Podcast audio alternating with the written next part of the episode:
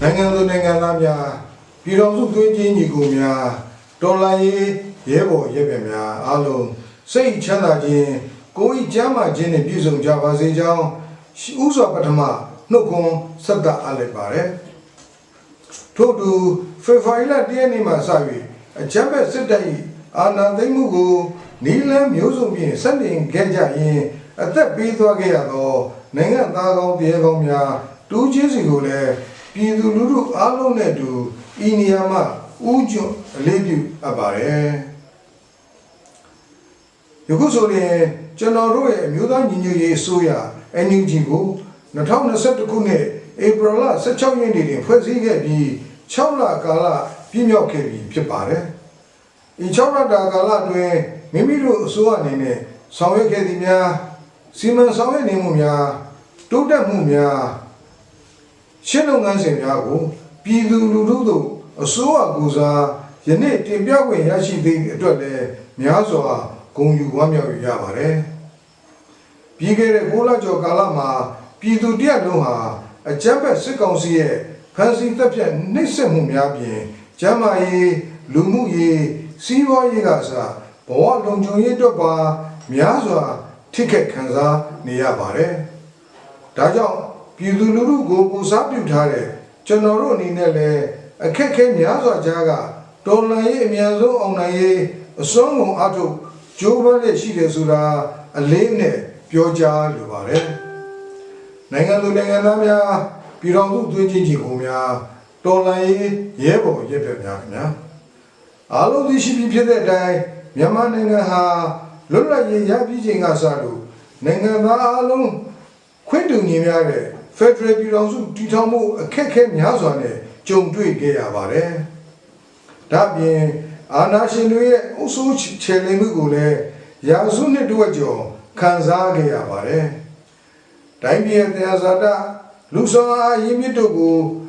ဖျက်ဆီးဖြုံးသီးကအဖက်ဖက်ကအနှိမ့်ကြအစင်းဆုံးနိုင်ငံဖြစ်အောင်အာဏာရှင်တွေကဆွဲချခဲ့ကြပါတယ်။ဆရာနာရှင်တွေအာ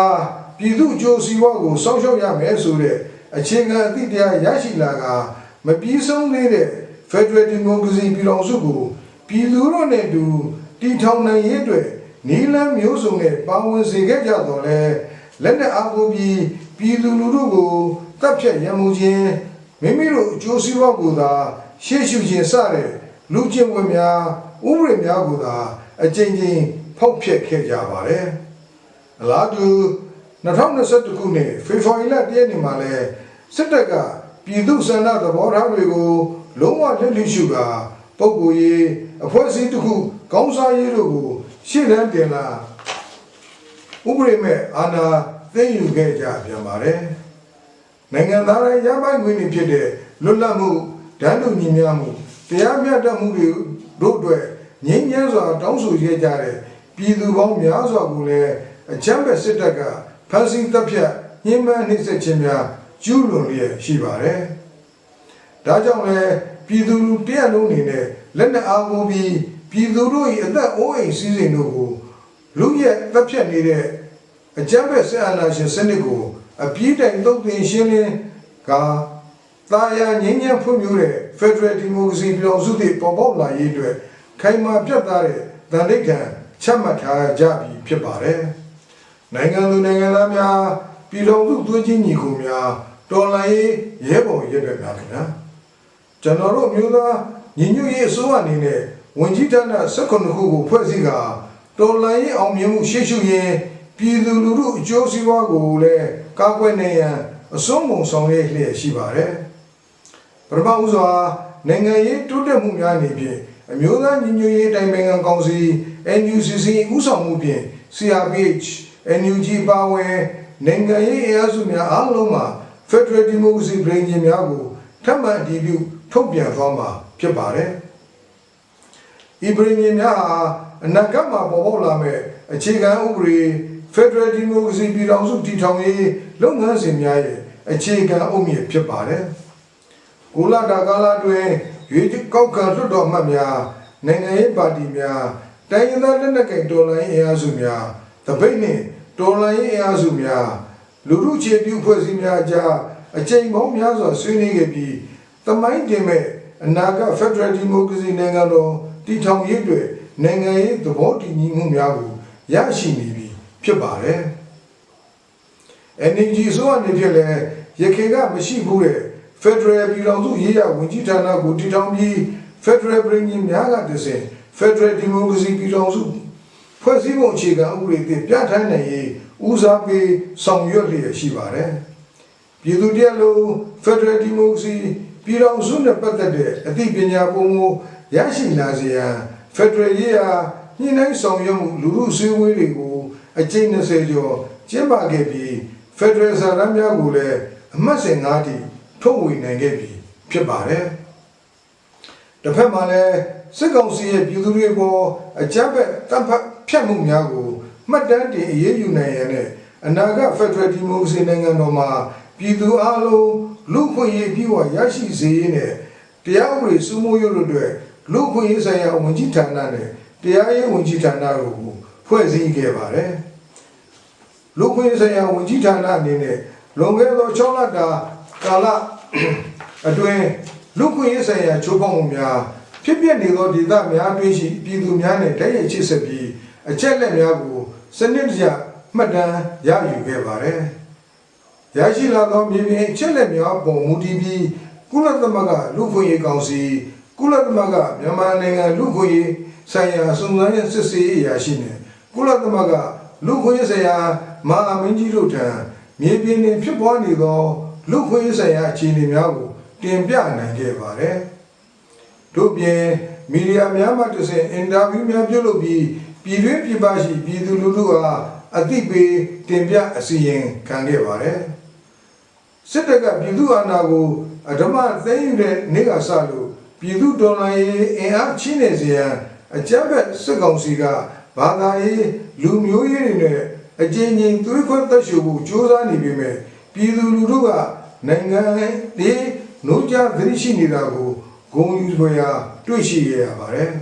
။တမိုင်းမှာမရှိခဲ့ဘူးတဲ့လူမျိုးစုတိုင်းရင်းသားချင်းချင်းစာနာနားလည်မှုလူမျိုးမျိုးဘာသာမျိုး လူသားချင်းအပြန်အလှန်လေးစားမှုအခက်အခဲများကြားမှာနိုင်ငံသားချင်းဖေးမှကူညီဆောင်ရှောက်မှုတို့ဟာတန်ဖိုးဖြတ်လို့မရတဲ့နိုင်ငံရေးတိုးတက်မှုတွေဖြစ်ပါတယ်အဆိုပါပြည်သူလူထုတဲ့ရုံးရဲ့အင်အားနဲ့ဆက်အာဏာရှင်တွေအများဆုံးကြဆုံးကတော်လှန်ရေးအောင်မြင်သည့်အထိအားထုတ်ကြိုးပမ်းလက်တွဲဆောင်ရွက်သွားရန်ကျွန်တော်တို့အမျိုးသားညီညွတ်ရေးအစိုးရနဲ့သက်ဆိုင်ရာမဟာမိတ်တိုင်းသားကောင်းဆောင်တွေအားလုံးက ခိုင်မာပြတ်သားတဲ့တန်ဋိဌာန်ချမှတ်ထားပြီးဖြစ်တယ်ဆိုတာအသိပေးတင်ပြလိုပါတယ်။နိုင်ငံသူနိုင်ငံသားများပြည်တော်စုသွေးချင်းညီကိုများတော်လှန်ရေးရဲဘော်ရဲဘက်များခင်ဗျာ။စီးပွားရေးကဏ္ဍအနေဖြင့်ကျွန်တော်တို့ NGO ဆိုရဟာစီမံကိန်းဗန္ဒာရေးနဲ့ရင်းနှီးမြှုပ်နှံမှုဝန်ကြီးဌာနစီးပွားရေးနဲ့ကုသရေးဝန်ကြီးဌာနတို့ဖွဲ့စည်းကတော်လှန်ရေးကာလအစိုးရဖြစ်သည့်လျောက် လုပ်ငန်းစဉ်အားဖြင့်အာဏာသိမ်းစစ်ကောင်စီအားစီးပွားရေးဗန္ဒာရေးအရာဖိအားပေးခြင်းနဲ့ပြည်သူလူထုရဲ့နိုင်ငံတော်အသည့်တည်ဆောက်ရမှာအထောက်ပံ့ရစေမဲ့ဗန္ဒာဝင်များရရှိစေရေးကိုဦးစားပေးဆောင်ရွက်လျက်ရှိပါတယ်အဆိုပါစီးပွားရေးဆိုင်ရာဝန်ကြီးဌာနတွေဟာနိုင်ငံခြားရေးဝန်ကြီးဌာနအပြည်ပြည်ဆိုင်ရာပူးပေါင်းဆောင်ရွက်ရေးဝန်ကြီးဌာန CRPH တို့နဲ့ပူးပေါင်းဆောင်ရွက်ကာ အကြမ်းဖက်စစ်ကောင်စီခေါင်းဆောင်များနဲ့မိသားစုများစစ်တပ်များပိုင်ဆိုင်သည့်မြန်မာစီးပွားရေးဥပဒေ limited နဲ့မြန်မာစီးပွားရေးကော်ပိုရေးရှင်းအပါအဝင်စစ်ကောင်စီထိန်းချုပ်ထားတဲ့နိုင်ငံပိုင်စီးပွားရေးလုပ်ငန်းများစစ်ကောင်စီအားထောက်ပံ့လျက်ရှိသည့်လုပ်ငန်းများနဲ့နိုင်ငံတကာမှပိတ်ဆို့အရေးယူနိုင်ရေးများဆောင်ရွက်ခဲ့ပါတယ်။ရင်းတို့ပိတ်ဆို့အရေးယူမှုများကြောင့်စစ်ကောင်စီဝန်ငွေရလမ်းများ တားဆီးနိုင်ပြီးလုံးဝပြတ်တော့သည့်အထိဆောင်ရွက်လျက်ရှိပါတယ်။အလုသမားဝန်ကြီးဌာနကလည်းနိုင်ငံတကာအလုသမားဖွဲ့ချုပ်များနဲ့တွေ့ဆုံဆွေးနွေးပြီး၎င်းတို့မှတဆင့်၎င်းတို့၏အစိုးရများကအကြမ်းဖက်စစ်ကောင်စီအားဖိအားပေးရေးအကြမ်းဖက်စစ်ကောင်စီနှင့်စီးပွားရေးပူးပေါင်းဆောင်ရွက်မှုများမပြုလုပ်ရေးမြန်မာပြည်သူများကူညီထောက်ပံ့မှုများပေးဆောင်နိုင်ရေးကိစ္စများဆွေးနွေးခဲ့ပါတယ်စစ်တပ်ရဲ့ ပြည်တွင်းငွေရလန်းတစ်ခုဖြစ်တဲ့ထီလုပ်ငန်းကိုလည်းရပ်တန့်စေပြီးစီမံကိန်းဗန္ဒာရေးနဲ့ယင်းနှိမ့်မြုပ်နှံမှုဝင်ကြီးဌာနရဲ့ຫນွေဥတီနဲ့အစားထိုးအောင်မြင်ခဲ့ပါတယ်။လူယူတီကိုလည်းယခုကပုံမကျေပြန့်ချုံးမိတ်စွာဆောင်ရွက်နေရန်ပြင်ဆင်လျက်ရှိပါတယ်။ထို့ပြင်စီရီယံဝန်ထမ်းများစစ်ဘေးရှောင်ပြည်သူများထောက်ပံ့ကူညီနိုင်ရေးနဲ့တော်လှန်ရေးအခြားလိုအပ်ချက်များကိုဖြည့်ဆည်းနိုင်ရေးအတွက် ရန်ပုံငွေရှာဖွေရေးလုပ်ငန်းများကိုလည်းဆောင်ရွက်လျက်ရှိပါတယ်။အစိုးရရဲ့တရားပြည်သူအားလျော်စွာပြည်သူများတော်လှန်ရေးကိုတစ်ဖက်တစ်လမ်းမှာအထောက်အကူပြုအခွန်ဆောင်နိုင်ရန်အခွန်ဥပဒေကိုလည်းပြဋ္ဌာန်းခဲ့ပါတယ်။မကြာမီကာလအတွင်းအစိုးရငွေရိတ်စာချုပ်များရောင်းချနိုင်ရေးအတွက်လည်းကြိုးပမ်းလျက်ရှိပါတယ်။နိုင်ငံသူနိုင်ငံသားများပြည်တော်စုသွေးချင်းညီကိုများတော်လှန်ရေးရဲဘော်ရဲဘက်များခင်ဗျာ။ ကျွန်တော်တို့မြန်မာနိုင်ငံဟာစစ်အာဏာသိမ်းဖြစ်စီမှုဒဏ်နဲ့မကပဲကိုဗစ်ကပ်ရောဂါကြောင့်လူမှုရေးကဏ္ဍများဖြစ်တဲ့ကျန်းမာရေးနဲ့ပညာရေးအခြေအနေများမှာလည်းရတဲ့မီးစရာဖြစ်ပါတယ်။ဒါကြောင့်ကျန်းမာရေးဝန်ကြီးဌာနရဲ့ဥဆောင်မှုဖြင့် COVID-19 ကပ်ရောဂါတိုက်ဖျက်ရေးအတွက်ကြိုးပမ်းဆောင်ရွက်လျက်ရှိပါတယ်။ကျန်းမာရေးဝန်ကြီးဌာနအနေဖြင့်ပြီးခဲ့သည့် COVID-19 တတိယလှိုင်းမှာပြည်သူလူထုကို ကျန်းမာရေးစောင့်ရှောက်မှုများပေးနိုင်ရန်တိုင်းရင်းသားကျန်းမာရေးဖွဲ့စည်းများ EHO လူထုအခြေပြုဖွဲ့စည်းများ CBO အခြားဒေသဆိုင်ရာဖွဲ့စည်းများနဲ့နီးကပ်စွာဆောင်ရွက်ခဲ့ပါတယ်။ COVID-19 ကာကွယ်ဆေးရရှိရေးကျန်းမာရေးအသိပညာပေးရေးနဲ့ online ကျန်းမာရေးစောင့်ရှောက်မှုပေးနိုင်ရေးတို့ကိုအကန့်အသတ်များစွာကြားမှာအောင်မြင်စွာဆောင်ရွက်နိုင်ခဲ့ပါတယ်။ပြည်ခဲ့သည့်6လအတွင်း COVID-19 ကာကွယ်ထိန်းချုပ်ကုသရေးအတွက်လိုအပ်သည့်အောက်ဆီဂျင်ဆက်အလုံး900ကျော်ပါဝင်ကျပ်သိန်း1200ကျော်လူနည်းစုတိုင်းရင်းသားဒေသများနဲ့စစ်ဘေးရှောင်ပြည်သူများအတွက်ကျပ်သိန်း1400ကျော်တန်ဖိုးရှိစေဝါပစ္စည်းများအခြားတိုင်းနဲ့ပြည်နယ်များသို့အရေးပေါ်ကျန်းမာရေးဆောင်ရှောက်မှုများအတွက်ကျပ်သိန်း4000ကျော်စသဖြင့်ထောက်ပံ့နိုင်ခဲ့ပါတယ်။ထို့ပြင်စီရီယန်ကျန်းမာရေး ဝန်ထမ်းများနဲ့ private အဖွဲ့အစည်းများ၏အကူအညီများဖြင့်ပြည်သူများကိုကျန်းမာရေးအသိပညာများပေးခြင်းကိုဗစ်လူနာပေါင်း6500ကျော်နဲ့အထွေထွေယောဂများအတွက်လူနာပေါင်း9400ကျော်ကိုလူတွေ့နဲ့အွန်လိုင်းမှာစေကုသပေးမှုများပေးနိုင်ခဲ့ပါတယ်။စီရီယန်ကျန်းမာရေးဝန်ထမ်းများအတွက်လည်း9လတာကာလအတွင်းကျပ်သိန်းပေါင်း13900ထောက်ပံ့နိုင်ခဲ့ပါတယ်။ စီရီယန်ဝန်ထမ်းများရဲ့စာဝတ်နေရေးအတွက်တမကပဲကျန်းမာရေးလူစွမ်းအားအရင်းမြစ်ဖွံ့ဖြိုးတိုးတက်ရေးအတွက်စင်ဆက်မပြတ်စေပညာသင်ကြားရေးအစီအစဉ်ပေါင်း269ခုကိုပို့ချခဲ့ပါတယ်။ထို့ပြင်ဖက်ဒရယ်နဲ့ကိုက်ညီမဲ့လူမှုအခြေပြုကျန်းမာရေးရှေ့လုပ်ငန်းစဉ်များကိုလည်း EHO များနဲ့အတူပူးပေါင်းရေးဆွဲလျက်ရှိပါတယ်။လူသားချင်းစာနာထောက်ထားရေးနဲ့ ဘေးအန္တရာယ်ဆိုင်ရာစီမံခန့်ခွဲရေးဝန်ကြီးဌာနတွေလည်းကိုဗစ်ရောဂါအပါအဝင်နေရစွာထက်ပြေးတိန့်ရှောင်ရသူများစစ်ဘေးရှောင်များနိုင်ငံရေးကျင်းသားများတော်လှန်ရေးတွင်ကြဆုံသူများထိခိုက်လွယ်သူအုပ်စုများကဘာဝဘေးအန္တရာယ်ခံစားသူများနဲ့ပြည်သူများအတွက်ရိတ်ခါပံ့ပိုးမှုများအတွက်ကျပ်သိန်းပေါင်း14000ကျော်ထောက်ပံ့နိုင်ခဲ့ပါတယ်ဒေါ်လာရေးကာလအတွင်း ထိခိုက်အလွယ်ဆုံးဖြစ်နိုင်ခြေရှိသူများကိုစောင့်ရှောက်နိုင်ရန်အမြဲတမ်းလူငယ်နဲ့ကလေးငယ်ဝန်ကြီးဌာနကိုလည်းဖွဲ့စည်းခဲ့ပါတယ်။ဝန်ကြီးဌာနအနေဖြင့်လည်းသက်ဆိုင်ရာထိခိုက်လွယ်လူဦးရေအုပ်စုများအတွက်လုံခြုံရေးကျန်းမာရေးစောင့်ရှောက်မှုအပြင်စေဝါစားနပ်ရိက္ခာနဲ့ငွေကြေးများတက်သန်းစီထောက်ပံ့လှူဒန်းခဲ့ပါတယ်။ပညာရေးဝန်ကြီးဌာနအနေဖြင့်အခြေခံပညာကဏ္ဍဂျာကာလ ပညာရေးအစီအစဉ်အဆင့်မြင့်ပညာကဏ္ဍဂျာကာလပညာရေးအစီအစဉ်သဘွေးပညာကဏ္ဍဂျာကာလပညာရေးအစီအစဉ်အာနာပိဇာရေးလှုပ်ရှားမှု Civil Disobedience Movement CDM ကိုထောက်ပံ့ခြင်း Federal ပညာရေးပုံထုံးလာစေရန်အခြေခံမူဝါဒများစတင်ရေးဆွဲခြင်းစသည်တို့ကိုအလေးပေးဆောင်ရွက်လျက်ရှိပါတယ်အခြေခံပညာရေးဆက်လက်သင်ကြားနိုင်ရေးအတွက်ပညာရေးဘုတ်ဖွဲ့များဖွဲ့စည်းရတွင် မြို့နယ်ပေါင်း296မြို့နယ်အထိမြို့နယ်ဘုတ်ဖွဲ့များတိုးမြင့်ဖွဲ့စည်းနိုင်ခဲ့ပါတယ်ဖက်ဒရယ်ဒီမိုကရေစီနိုင်ငံရေးအပြောင်းအလဲနဲ့အတူအစိမ့်မြင့်ပညာကဏ္ဍပညာရေးလုပ်ငန်းများကိုထိရောက်စွာအကောင့်ထဲပေါ်နိုင်ရန်အတွက်အစိမ့်မြင့်ပညာကော်မတီကိုဖွဲ့စည်းနိုင်ရန်ဆောင်ရွက်လျက်ရှိပါတယ်။အာနာပိဇာရေးစီရီယမ်လှုပ်ရှားမှုတွေပါဝင်သည့်ပညာရေးဝန်ထမ်းများအားပြီးခဲ့သည့်6လတာအတွင်း ကျပ်သိန်းပေါင်း6300ကျော်ထောက်ပံ့နိုင်ခဲ့ပါတယ်။နိုင်ငံသူနိုင်ငံသားများပြည်ထောင်စုသွေးချင်းညီကိုများတော်လှန်ရေးရဲဘော်ရဲပင်များခင်ဗျာ။နိုင်ငံခြားရေးနဲ့တန်တမာရေးအကိစ္စရများနဲ့ဆက်ရင်လျင်းတွေလည်းပြည်သူများသိရှိပြီးဖြစ်သည့်တိုင်အောင်မြင်မှုများပုံမူတိုးတက်ရရှိနေပါတယ်။ပြည်သူလူထု၏ဇွဲလုံးလားမိဖက်တော်လှန်ရေးဖွဲ့စည်းများ၏စီးလုံးမှုတို့နဲ့အတူ နိုင်ငံရေးဂျာရေးဝန်ကြီးဌာနနဲ့အပြည်ပြည်ဆိုင်ရာပေါင်းစပ်ညှိနှိုင်းရေးဝန်ကြီးဌာနတို့ရဲ့နှင်းညက်မပြတ်အားထုတ်မှုတို့ကြောင့်ပြည်သူအစိုးရဖြစ်တဲ့အမျိုးသားညီညွတ်ရေးအစိုးရကိုပြည်တွင်းပြည်ပမှပုံမူအသိမှတ်ပြုထောက်ခံလာကြပြီးအကြမ်းဖက်စစ်တပ်အားလည်းပုံမူဖယ်ကျင်လာကြပြီဖြစ်ပါတယ်။ထို့ပြင်အမျိုးသားညီညွတ်ရေးအစိုးရ NUG လက်ထက်နိုင်ငံခြားရေးဝန်ကြီးဌာနရဲ့6လစီမံကိန်းတွင် ကမ္ဘာကုလသမဂ္ဂအပေါင်းဝင်နိုင်ငံတကာအစိုးရများနိုင်ငံတကာအဖွဲ့အစည်းများနဲ့ပူးပေါင်းဆောင်ရွက်ခါစစ်ကောင်စီအားထိရောက်စွာပိတ်ဆို့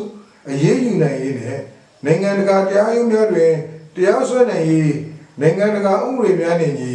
နိုင်ငံတော်နှင့်နိုင်ငံသူနိုင်ငံသားတို့အားအကာအကွယ်ပေးနိုင်မည့်နိုင်ငံတကာစာချုပ်စာတမ်းများအားလက်မှတ်ရေးထိုးနိုင်ရေးတို့ကိုအဓိကအလေးပေးဆောင်ရွက်ခဲ့ပါတယ်။ ထို့သောဆောင်ရွက်ရာတွင်ကမ္ဘာထိပ်သီးနိုင်ငံများအာဆီယံနှင့်အခြားသောဒေသနိုင်ငံများနှင့်အဖွဲ့အစည်းများတို့လည်းမြန်မာနိုင်ငံ၏နိုင်ငံရေးအခြေအနေများနှင့်ပတ်သက်၍စစ်ကောင်စီအကြမ်းဖက်ဖိနှိပ်မှုများလူသားရေးဆန်သာနာထောက်ထားမှုဆိုင်ရာအကူအညီလိုအပ်ချက်များ COVID-19 ဆိုင်ရာအကူအညီလိုအပ်ချက်များအပြင်နိုင်ငံတကာတိုင်းဝိုင်းနေဖြင့်မြန်မာပြည်သူလူထုနဲ့အတူရက်တည်ရေး အစရှိသည့်တို့အတွက်ဆက်သွယ်ကြောင်းကြားခြင်း virtual meeting ဖြင့်တွေ့ဆုံဆွေးနွေးခြင်းတို့ကိုစင်ဆက်မပြတ်ဆောင်ရွက်ခဲ့ပါတယ်။နိုင်ငံသားရေးပြည်တော်စုဝန်ကြီးနဲ့ဒုဝန်ကြီးတို့၏နိုင်ငံတကာတန်တမန်များပြည်ပနိုင်ငံသားရေးဝန်ကြီးဌာနများနဲ့တွေ့ဆုံဆွေးနွေးမှု60ကြိမ်ရှိခဲ့ပါတယ်။အပြည်ပြည်ဆိုင်ရာပေါင်းစပ်ညီနိုင်ရေးဝန်ကြီးဌာနအနေဖြင့်လည်းဂျပန်ပါလီမန်တွင်လွှတ်တော်ကြားနာမှုများ G7 ထိပ်သီးဆွေးနွေးပွဲများတွင်မြန်မာအရေးကိစ္စဆွေးနွေးရေးဥရောပသမဂ္ဂမှစစ်ကောင်စီပေါ်အရေးယူပိတ်ဆို့နိုင်ရေးစသည်တို့ကိုဆောင်ရွက်ခဲ့ပါတယ်။အမျိုးသားညီညွတ်ရေးအစိုးရ၏6လသက်တမ်းတွင်ကုလသမဂ္ဂဆိုင်ရာမြန်မာအမြဲတမ်းကိုယ်စားလှယ်ဦးကျော်မိုးထွန်းနဲ့စီရီယမ်တန်တမန်20ဦးတို့သည်ကုလသမဂ္ဂဆိုင်ရာအစည်းအဝေးများနဲ့96ကြိမ်မြောက်ကုလသမဂ္ဂအထွေထွေညီလာခံအစည်းအဝေးများ၌ NUG CRPH ဆက်လက်ကူစားပြုတက်ရောက်လည်ရှိပြီးမြန်မာနိုင်ငံဆိုင်ရာနဲ့နိုင်ငံတကာအစည်းအဝေးများသို့တက်ရောက်မင်ကုန်ပြောကြားခြင်းမြန်မာအရေးအတွက်ကုလသမဂ္ဂအထွေထွေညီလာခံနဲ့လုံခြုံရေးကောင်စီစတဲ့နိုင်ငံတကာအဆင့်မြင့်ဆုံးအဖွဲ့အစည်းများနဲ့နိကတ်စွာပူးပေါင်းဆောင်ရွက်လျက်ရှိပါတယ်ချက်သမနိုင်ငံတောင်ကိုရီးယားဩစတြေးလျပြင်သစ် United Kingdom အစရှိတဲ့နိုင်ငံများတွင်ကိုယ်စားလှယ်များခန့်နိုင်ခဲ့ပြီးနော်ဝေဂျာမနီနဲ့အခြားနိုင်ငံများတွင်လည်းဆက်လက်တိုးချဲ့ခန့်နိုင်နိုင်ရေးဆောင်ရွက်လျက်ရှိပါတယ်။ထို့ပြင်အာဆီယံနဲ့တန်တမာရေးကိစ္စရပ်များပိုမိုနီးကပ်စွာပူးပေါင်းဆောင်ရွက်လာနိုင်ရန်အာဆီယံနိုင်ငံဆိုင်ရာတမတ်ကြီးဖြင့်ဥပူလာတင်ကိုခန့်အပ်ခဲ့ပါတယ်။နိုင်ငံသူနိုင်ငံသားများပြည်တော်စုသွေးချင်းညီကိုများ တော်လှန်ရေးရဲဘော်ရဲဘက်များခင်ဗျာကာကွယ်ရေးနဲ့လုံခြုံရေးကိစ္စရပ်များအနေဖြင့်ဖက်ဒရယ်ပြည်တော်စုလုံခြုံရေးစနစ်တည်ဆောက်ရေးဖက်ဒရယ်ပြည်တော်စုအားကာကွယ်စောင့်ရှောက်ရေးနဲ့လူမျိုးပေါင်းစုံပြည်သူတို့အားကာကွယ်စောင့်ရှောက်ရေးရည်မှန်းချက်တို့ဖြင့်ကာကွယ်ရေးဝန်ကြီးဌာနကိုလည်းဖွဲ့စည်းခဲ့ပါတယ်ပြည်သူလူထုကိုသစ္စာဆောင်တည်သည့်အနာဂတ်ဖက်ဒရယ်တပ်မတော်ပေါ်ပေါက်လာရေးအတွက်အမရီဖွဲ့စည်းဖြစ်တဲ့ ပြည်သူ့ကာကွယ်ရေးတပ်မတော်ကိုဖွဲ့စည်းခဲ့ပြီးစတင်ဖွဲ့စည်းသည့်နေ့မှစပြီးစစ်သည်တော်ကျင့်ဝတ်စီးမြဲများကိုလေ့ကျင့်လိုက်နာအထူးအလေးထားဖွဲ့စည်းခဲ့ပါတယ်။ကာကွယ်ဝင်ကြီးဌာနအနေဖြင့်6လတာကာလအတွင်းပြည်သူ့ကာကွယ်ရေးတပ်မတော်ဖွဲ့စည်းထူထောင်ရေးလက်နက်ကင်တော်လှန်ရေးအင်အားစုသီးသီးနဲ့လက်တွဲပူးပေါင်းဆောင်ရွက်ရေးဝင်ကြီးဌာန၏စီမံခန့်ခွဲမှုပုံမူထက်မြက်စေရေး PDF များတိုက်ပွဲဝင်အားစုများအားထိရောက်သောပံ့ပိုးမှုများရရှိစေရလို့အတွက်အားစိုက်လျက်ရှိပါတယ်။ဒေါ်လာရေးအားစုများနဲ့ပူးပေါင်း၍ဗဟိုကုတ်ကဲရေးနဲ့ပေါင်းစပ်ရေးညှိနှိမ့်နိုင်ရေးကော်မတီကိုဖွဲ့စည်းပြီးစစ်ဒေသအသီးသီးကိုလည်းဖွဲ့စည်းခဲ့ပါတယ်။အလုံးအရေးပါတဲ့လုပ်ငန်းတစ်ရပ်နေပဲတပ်မတော်သားများရဲတပ်ဖွဲ့ဝင်များအကြမ်းဖက်စစ်ကောင်စီလက်အောက်မှာရုံးထွက်ကာ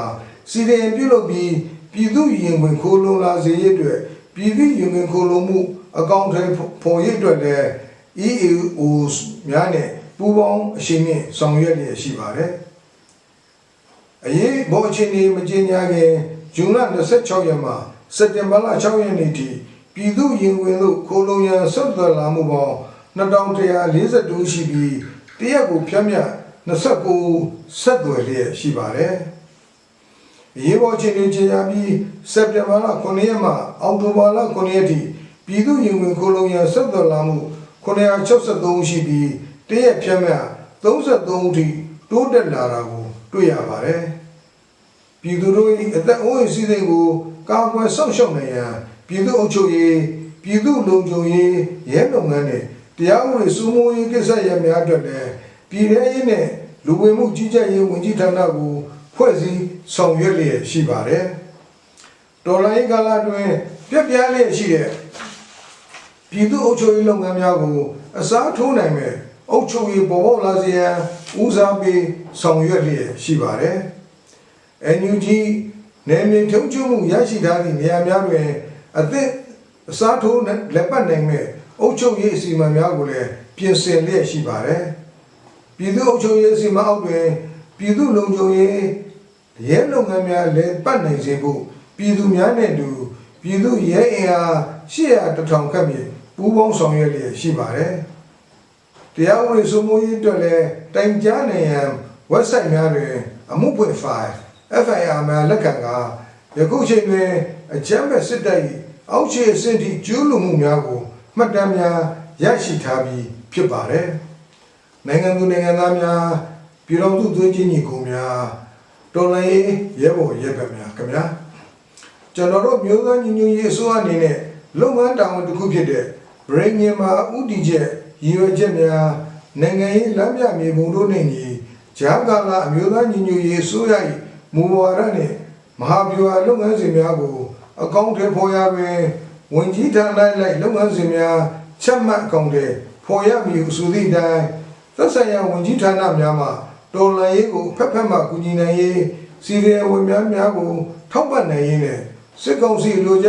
ပြည်သူဝန်ထမ်းများကိုဖိနှိပ်လျက်ရှိတဲ့စစ်ကောင်စီဝန်ထမ်းများအရန်အရာရမ်းများအရေးယူနိုင်ရေးစသဖြင့်အနာဂတ်ဖက်ဒရယ်ဒီမိုကရေစီနိုင်ငံတော်နဲ့ကိုက်ညီမဲ့မူဝါဒများကိုလည်းပြင်ဆင်ရေးဆွဲလျက်ရှိပါတယ်ပြည်သူများတိစတက်နဲ့ဘောင်းပါခရိုနီများကလောက်ဝကြီးကိုအမျက်ထုတ်နေကြတာနှစ်ပြောင်းများစွာ ကြာရှိပြီဖြစ်ပါတယ်ဒါကြောင့်နောင်လာမဲ့နိုင်ငံတော်အသစ်တွင်တရားမျှတပြီးပြည်သူအကျိုးကိုရှေ့ရှုတဲ့ Federal တရားစတမှုချမ်းကိုတရားစတနဲ့တဘာဝပတ်ဝန်းကျင်ထိန်းသိမ်းရေးဝန်ကြီးဌာနမှပြည်တွင်းပြည်ပအတတ်ပညာရှင်များလွတ်လပ်သောဖွဲ့စည်းများနဲ့အတူဥဆောင်ရေးဆွဲလျက်ရှိပါတယ်။လျှက်စစ်နဲ့ဆွဲဝင်ကြီးဌာနအနေဖြင့်လည်းစစ်ကောင်စီဝင်ဝင်ဝင်ရလမ်းဖြစ်သည့်မိတာကများမပေးဆောင်ရေး နိုင်ငံတကာအဖွဲ့အစည်းများအခြားဝန်ကြီးဌာနများနဲ့ပူးပေါင်းကာရေနံနဲ့တဘာဝတန်းဝေ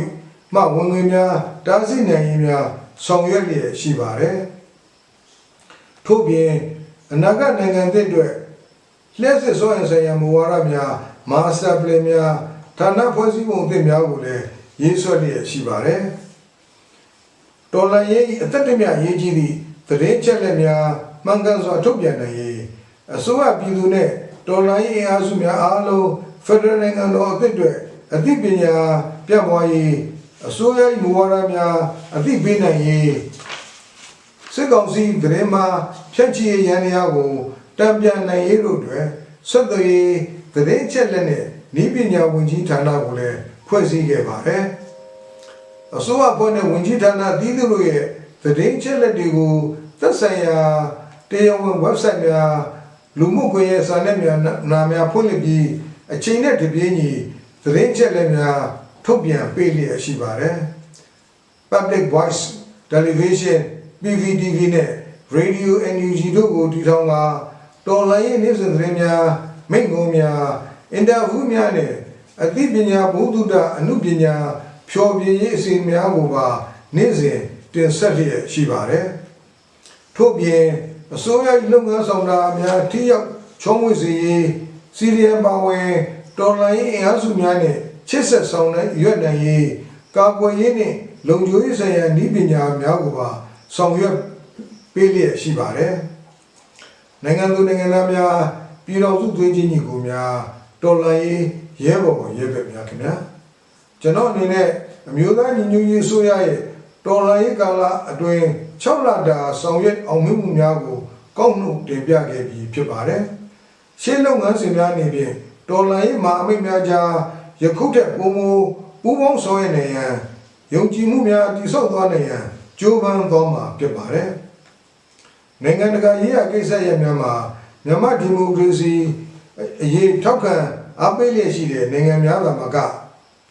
နိုင်အိန္ဒိယနိုင်ငံများဖြစ်တဲ့တရုတ်ပြည်သူ့သမ္မတနိုင်ငံအိန္ဒိယသမ္မတနိုင်ငံတို့ပြင်အာဆီယံနိုင်ငံများနဲ့ ဆက်ဆံရေးပုံမူတည်ဆောက်သွားမှာဖြစ်ပါတယ်။ကာကွယ်ရေးနေဖြစ်လဲမိမိတို့ထိန်းချုပ်နေမြေများပုံမူရရှိအောင်ကြိုးပမ်းပြီးပြည်သူလူထုကိုထိရောက်စွာကာကွယ်ဆောက်ရှောက်နိုင်ရန်ဆောင်ရွက်သွားမှာဖြစ်ပါတယ်။အကြမ်းဖက်စစ်ကောင်စီတပ်ဖွဲ့ဝင်များအနေနဲ့လည်းဆက်အနာရှင်များအလိုကြပြည်သူကိုစစ်ခင်းနေရသည့်အခြေအနေများကိုလွတ်မြောက်လာရန်တိုးမြင့်ဆောင်ရွက်သွားရမှာဖြစ်ပါတယ်။စစ်ဘေးဒုက္ခသည်များ စီးရီးယားများတိတ်ရှောင်နေရသူများအပါအဝင်ပြည်သူများကို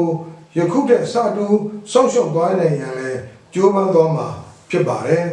။ဒီကုန်းချုပ်နေနဲ့တင်ပြရရင်ယခုမြန်မာနွေဦးဒေါ်လာရေးဟာပါတီတစ်ခုအစုအဖွဲ့တစ်ခုရဲ့ဥဆောင်မှုနဲ့ပေါ်ပေါက်လာတာမဟုတ်ပဲလူလူလူတန်းစားဘာသာလူမျိုးပေါင်းစုံပါဝင်လာတဲ့ဆက်အနာရှင်အပြစ်တိုင်ချုပ်ငင်းရေးတိုက်ပွဲဖြစ်တယ်ဆိုတာအရေးကြီးဆုံးချက်ဖြစ် တင်ပြလိုပါတယ်ဒုတိယချက်ကတော့ယခုဒေါ်လာရေးဟာတမိုင်းမှာအင်တန်ထူးခြားတဲ့အလှည့်အပြောင်းနောက်ဆုံးတိုက်ပွဲဖြစ်တယ်ဆိုတာကိုပြည်သူတရက်လုံးအထူးသတိပြုနားလည်ဖို့လိုပါတယ်ဒီတိုက်ပွဲနဲ့ရပြည်လာတဲ့ကျွန်တော်တို့အမိမြန်မာနိုင်ငံလူကြီးဟာလူမျိုးဘာသာမျိုးခွင့်တူကြီးများတဲ့ငြိမ်းချမ်းတဲ့တရားဝါပြောတဲ့လောကပါဠတရားတွေထွန်းကားကြီးစိုးတဲ့ နိုင်ငံတော်သစ်ကြီးဖြစ်ကပ္ပအလယ်မှာဂုံတရီရှိစွာပေါ်ပေါက်လာမှာဖြစ်ပါတယ်။ဒါကြောင့်လည်းအနာဂတ်အိမ်မက်တွေကောင်းပွဲပုံနေမှုပြည်သူတရလုံးကြာရခန်းကာရကနေစီလုံးညီညွတ်စွာအင်တိုက်အားတိုက်ဆက်လက်ပါဝင်ဖို့တိုက်တွန်းလိုပါတယ်။ကျွန်တော်တို့မြို့သားညီညွတ်ရေးဆိုရနဲ့အတူလက်တွဲကတော်လှန်ရေးကိုဥဆောင်ပါဝင်လျက်ရှိတဲ့ပြည်သူတရလုံးစီရဲမွန်နှမ်းများ နိုင်ငံရေးကောင်းဆောင်များပြည်ရင်းပြည်ပဖွဲ့စည်းများနဲ့တိုင်းရင်းသားလက်နက်ကိုင်တော်လှန်ရေးအင်အားစုများအားလုံးကိုဤနေရာမှာလေးစားစွာအထူးဂုဏ်ပြုအပ်ပါတယ်။နောက်ဆုံးချက်အနေနဲ့ကတော့အမျိုးသားညီညွတ်ရေးအစိုးရအနေဖြင့်လည်းစစ်အာဏာရှင်ပြုတ်ကျရေးတာမှာကအနှစ်သာရပြည့်ဝတဲ့ Federal Democracy ပြည်တော်စုပေါ်ပေါက်လာသည့်အထိတော်လှန်ရေးအင်အားစုများအားလုံးနဲ့တူလက်တွဲတိုက်ပွဲဝင်သွားမည်ဖြစ်ပါကြောင်း တန်တိတ်တန်ချဂရိပြုအပ်ပါတယ်။အရေးတော်ကိုအောင်းနေပြီ